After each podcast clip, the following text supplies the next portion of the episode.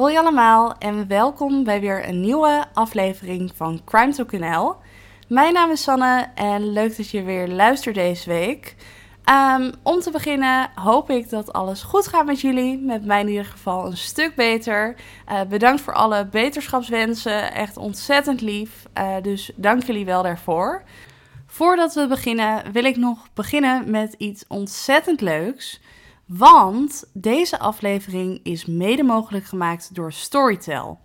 En voor wie Storytel nog niet kent, Storytel is een dienst waarbij je onbeperkt meer dan 300.000 luisterboeken kunt luisteren en e-boeken kunt lezen.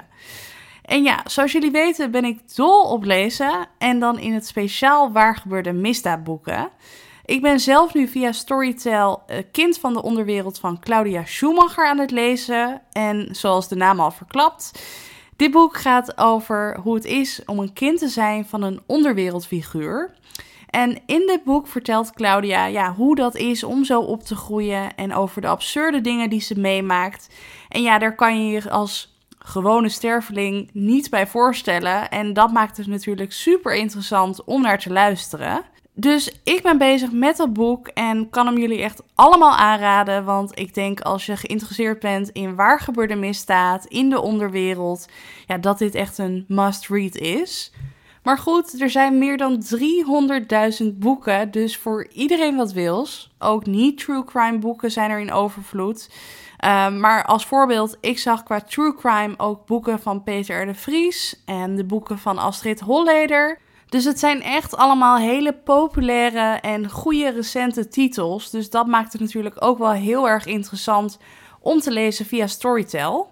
En het is eigenlijk een beetje hetzelfde als een podcast. Je kan gewoon heerlijk luisteren terwijl je aan het koken bent, de was aan het doen bent, uh, aan het fietsen bent of ja, gewoon op de bank zit. Want je kan natuurlijk ook gewoon lekker relaxen en gaan luisteren. Um, ik zelf kon bijvoorbeeld niet slapen vannacht. En toen heb ik gewoon super chill even een uurtje naar mijn boek geluisterd. En nou, daarna kon ik lekker slapen. Dus ik ben in ieder geval super enthousiast en ben heerlijk aan het lezen. Of eigenlijk dus aan het luisteren. Um, maar het leuke is nu dus dat Storytel een speciale Crime Talk aanbieding heeft.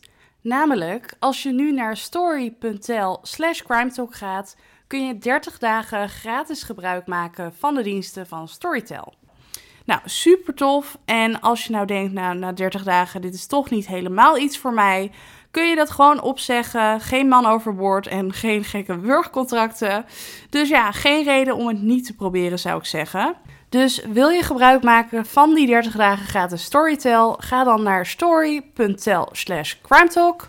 En um, dan kun je alles erover vinden en dan wijst het zich vanzelf. Ik zal de link ook nog even in de show notes zetten, zodat jullie de link makkelijk kunnen terugvinden. En dan moet het helemaal goed komen. Dat gezegd hebbende, gaan we nu door naar de zaak van deze week. En de zaak van deze week gaat over de moord op Albert de Heer. En zoals altijd begin ik weer met de achtergrondinformatie. Want Albert de Heer was in 2007 een 69-jarige man uit Voorburg. En Albert had in Rotterdam aan de Aard van Neststraat een banketbakkerij. Dus Albert was banketbakker van beroep. De bakkerij van der Heide was echt een begrip in de omgeving. En Albert was een ontzettend hardwerkende man. En werd echt geroemd om zijn bakkunsten. Hij maakte super lekkere dingen. En was daar ook echt heel erg gepassioneerd over.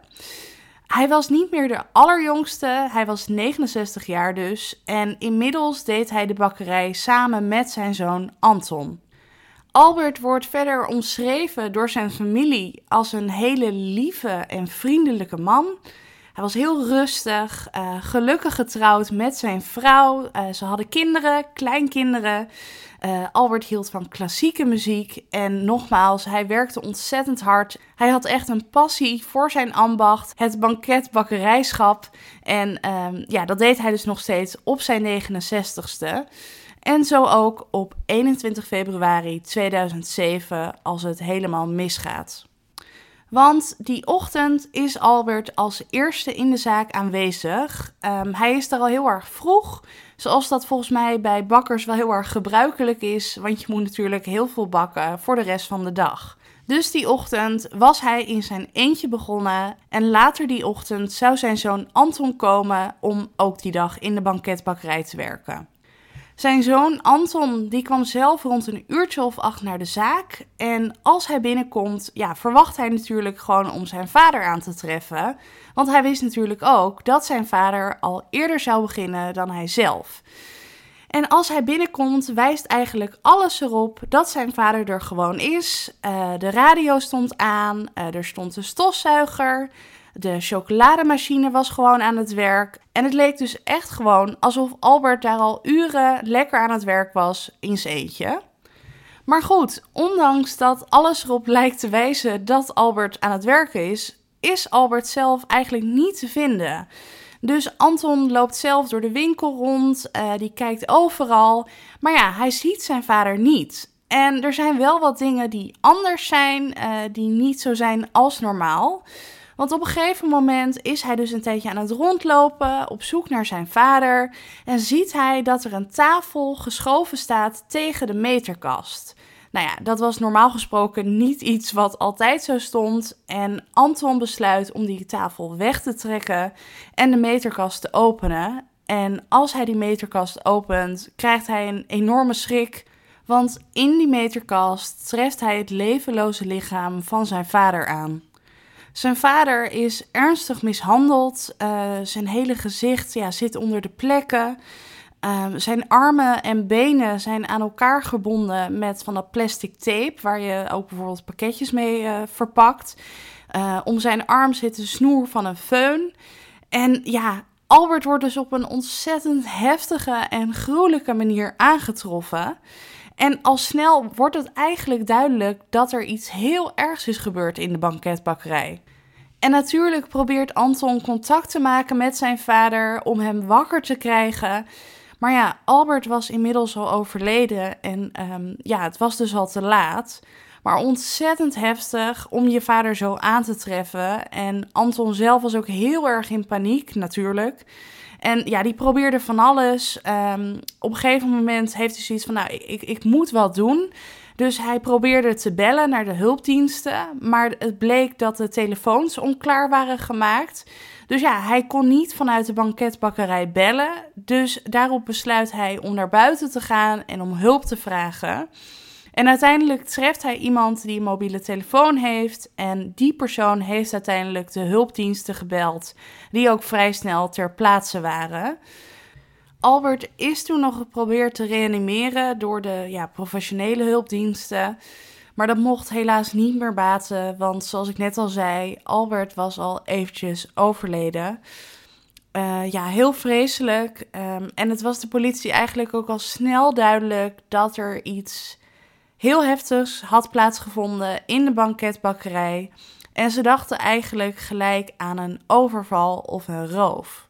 En ze dachten daaraan vanwege de manier waarop Albert was aangetroffen maar ook door de winkel zelf. Want er waren wat dingen in de banketbakkerij die misten.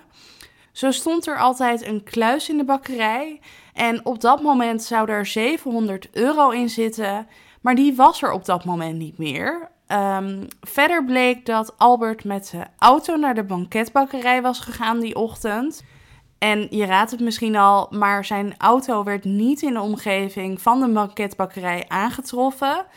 Uh, de sleutels van zijn auto waren ook weg. De sleutels van de bakkerij waren weg. Uh, de portemonnee van Albert was leeggehaald. En het horloge dat hij om zijn pols droeg, zat ook niet meer om zijn pols heen. Dus er waren best wel wat dingen die er niet waren. En dat duidt toch wel op een roof of een overval. De politie deed natuurlijk ook sporenonderzoek in de bakkerij. En gelukkig troffen ze wel sporen aan van de dader of daders. Zo zaten er vingerafdrukken op de kassa, maar ook op het tape dat op het lichaam van Albert zat. En er waren schoenafdrukken op de vloer van de bakkerij. En dat was natuurlijk wel fijn, want dan konden ze dat onderzoeken en opsturen naar het laboratorium ja, om te kijken of er een match was. Ondertussen had de politie ook een getuige gevonden, een schilder, Die vertelde dat hij twee opvallende figuren had gezien die ochtend. En het klinkt een beetje als een grapje. Maar hij had een ja, dikke en een dunne jongen gezien die toch wel ja, zich verdacht gedroegen. En ja, zo was de politie dus op zoek naar een dikke en een dunne. En een van hun had ook nog een rood petje op. Dus het signalement waar de politie naar op zoek was, was een dikke en een dunne met een rood petje op. Uh, ja, daar zijn natuurlijk wel meer mensen van, maar de politie had in ieder geval iets om op verder te borduren. En toen ze gingen kijken naar videobeelden uh, die gefilmd waren in de straten, was dat natuurlijk ook iets waar ze op letten. En gelukkig was er naast de bakkerij een schoenenwinkel en die had camera's staan die 24/7 aan het filmen waren. En bingo, op die beelden waren twee mannen te zien, waarvan één dik was, één dun en een rood petje droeg. Dus ja, dat waren de mannen waar de politie naar op zoek was. En dan zou je misschien denken, nou dan is het een kwestie van uren of dagen dat de daders gevonden worden. Maar dat was niet het geval. Ze konden eigenlijk niet heel veel met de beelden. En er werd voor heel veel uren aan camerabeelden in de stad bekeken. Om maar ja, dat spoor van die daders na te gaan. En wat bleek ook, in de uren voordat, ja, voordat ze bij de bakkerij waren, bleken ze ook heel dicht bij de bakkerij in de buurt ja, rond te hangen. Het leek wel alsof ze aan het wachten waren om iemand te beroven. Ze waren er aan het hangen, niks doen. En dat was dus wel verdacht. Maar het vervelende was, op de beelden was heel goed hun postuur te zien. Maar van hun gezicht was geen duidelijk beeld. En dat maakt het zoeken natuurlijk ook heel erg lastig. Dus wat videobeelden betreft liep dat een beetje ja, dood. Maar tegelijkertijd werd er wel een belangrijke vondst gedaan. Want de auto van Albert werd in een woonwijk in Rotterdam Zuid aangetroffen. En ja, die auto was natuurlijk meegenomen. Dus dat was een belangrijke vondst. En er werd natuurlijk ook een buurtonderzoek ingesteld. Want ja, die auto is daar niet vanzelf geparkeerd. Die moet er zijn neergezet door iemand die er wat mee te maken heeft. En dat bleek dus ook te kloppen, want er was iemand die had gezien dat de auto daar was neergezet. En als ik het goed begrijp, kon deze persoon niet vertellen aan de politie wie deze persoon dan precies was. Maar het signalement dat deze getuige omschreef, matchte precies met de verdachte, met de mannen van de videobeelden.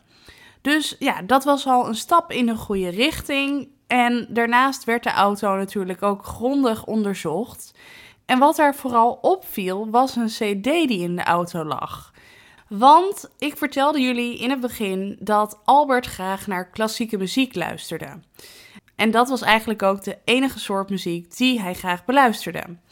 Maar in de auto werd een gebrande CD van UB40 aangetroffen. Nou, uh, voor wie het niet kent, het is een beetje reggae-achtige muziek. En dat is dus helemaal niet het soort muziek waarnaar Albert luisterde. Dus het was al vrij snel duidelijk dat deze CD niet van Albert was, maar een van de daders. En dat een van de daders actief de auto aan het gebruiken was. Want anders had hij die CD niet in de auto gelegd. Maar ja, dat was het ook verder. Er zat geen briefje in met een naam of geen rijbewijs of iets.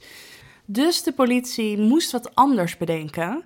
Gelukkig hadden ze inmiddels wel betere camerabeelden waarop de gezichten van de daders heel goed zichtbaar waren. En ze besloten die beelden uit te zenden in een programma Opsporing Verzocht. En ja, toen was het raak, want door tips konden ze erachter komen wie deze twee mannen, of beter gezegd jongens, waren. De jongens waren namelijk Cesar P. en Elvis T. En Cesar was destijds 18 jaar en hij was de dunne. Uh, en hij was geen onbekende van de politie. Sterker nog, op het moment dat hij herkend werd qua gezicht, zat hij al vast. En hij zat vast omdat een paar dagen voor het delict in een banketbakkerij had hij een inbraak gepleegd en daarvoor was hij opgepakt. Dus op dat moment zat hij al vast. En zoals ik zei, hij was geen onbekende van de politie. Hij had al vaker geweldsdelicten gepleegd, uh, inbraken en allerlei andere nare dingen. Maar goed, ze konden hem daardoor wel heel erg makkelijk vinden. Elvis daarentegen, ja, die konden ze wat minder goed meteen vinden. Uh, maar ze wisten wel dat Elvis destijds minderjarig was. Hij was toen 17 jaar. En hij had geen strafblad en was geen bekende bij de politie. Dus dat was best wel een verschil met Caesar. Maar goed, Caesar konden ze dus wel heel makkelijk vinden en oppakken, want ja, die zat dus vast. En eigenlijk werkte Caesar heel erg mee in het onderzoek. Hij vertelde allerlei details. Ehm, zo vertelde hij dat op het moment dat zij de bakkerij verlieten, dat Albert nog leefde. En dat is natuurlijk heel naar om te bedenken. Ehm, maar ja, dat kon hij dus aan de politie vertellen. Uh, hij kon ook aan de politie vertellen waar de kluis lag die ze hadden meegenomen.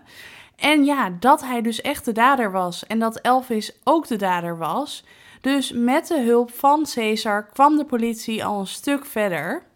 En uiteindelijk kon de politie ook Elvis traceren door de telefoongegevens van zijn telefoon. En Elvis bleek zich schuil te houden in het huis van zijn oom.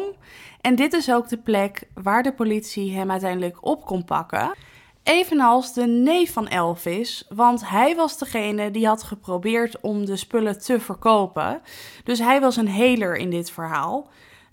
Nou ja, en natuurlijk zijn dus alle drie de jongens opgepakt. En zijn de sporen die waren aangetroffen op het plaats delict vergeleken met de vingerafdrukken van Caesar en Elvis. En ja, dit was een match. Dus het bewijs was enorm. Ze hadden echt te maken met de goede daders. En uiteindelijk vertelden ze ook het hele verhaal. Want het bleek dat ze die ochtend inderdaad hadden bedacht om iemand te gaan beroven. En terwijl ze wachten op een juiste prooi, kwam Albert aan bij zijn bakkerij. En hij ging eerst naar binnen om gewoon ja, zijn werkzaamheden te doen. Maar op een gegeven moment komt Albert naar buiten nadat hij heeft schoongemaakt. En dat is het moment dat Elvis en Caesar zijn toegeslagen. Ze hebben hem toen naar binnen gewerkt, beroofd, mishandeld, vastgebonden, in de meterkast gedaan, de telefoons onklaargemaakt. Ze hebben de banketbakkerij leeggehaald, de deur op slot gedaan en uiteindelijk zijn ze dus weggegaan in de auto van Albert. En daarnaast verklaarden ze dus dat op het moment dat zij de bakkerij verlieten, dat Albert nog in leven was. En dat is zo gruwelijk om te bedenken dat, ja, dat Albert nog een hele tijd voor zijn leven heeft gevochten. En dat als er iemand eerder was gekomen, ja, dat hij misschien nog in leven was geweest. Ja, dat je iemand zo voor dood achterlaat. Ik kan er niet bij met mijn hoofd. Uh, echt afschuwelijk. Um, als ik het goed begrijp, Albert had wel een hartkwaal. En hij is uiteindelijk ook overleden aan zijn hart. Maar als hem dit niet was aangedaan, was hij ook niet te komen overlijden op dat moment. Dus het hele incident in de bakkerij heeft wel geleid tot zijn dood en zijn moord. En zo zag de rechter dat ook. Uh, zij hebben uiteindelijk zijn dood veroorzaakt en ze zijn dus ook alle drie veroordeeld. Um, Elvis was natuurlijk minderjarig, maar de rechter oordeelde dat hij ook een volwassen daad had verricht en dat hij daarom ook gewoon als volwassene berecht kon worden. En daarom kreeg hij een celstraf van 10 jaar en TBS met dwangverpleging.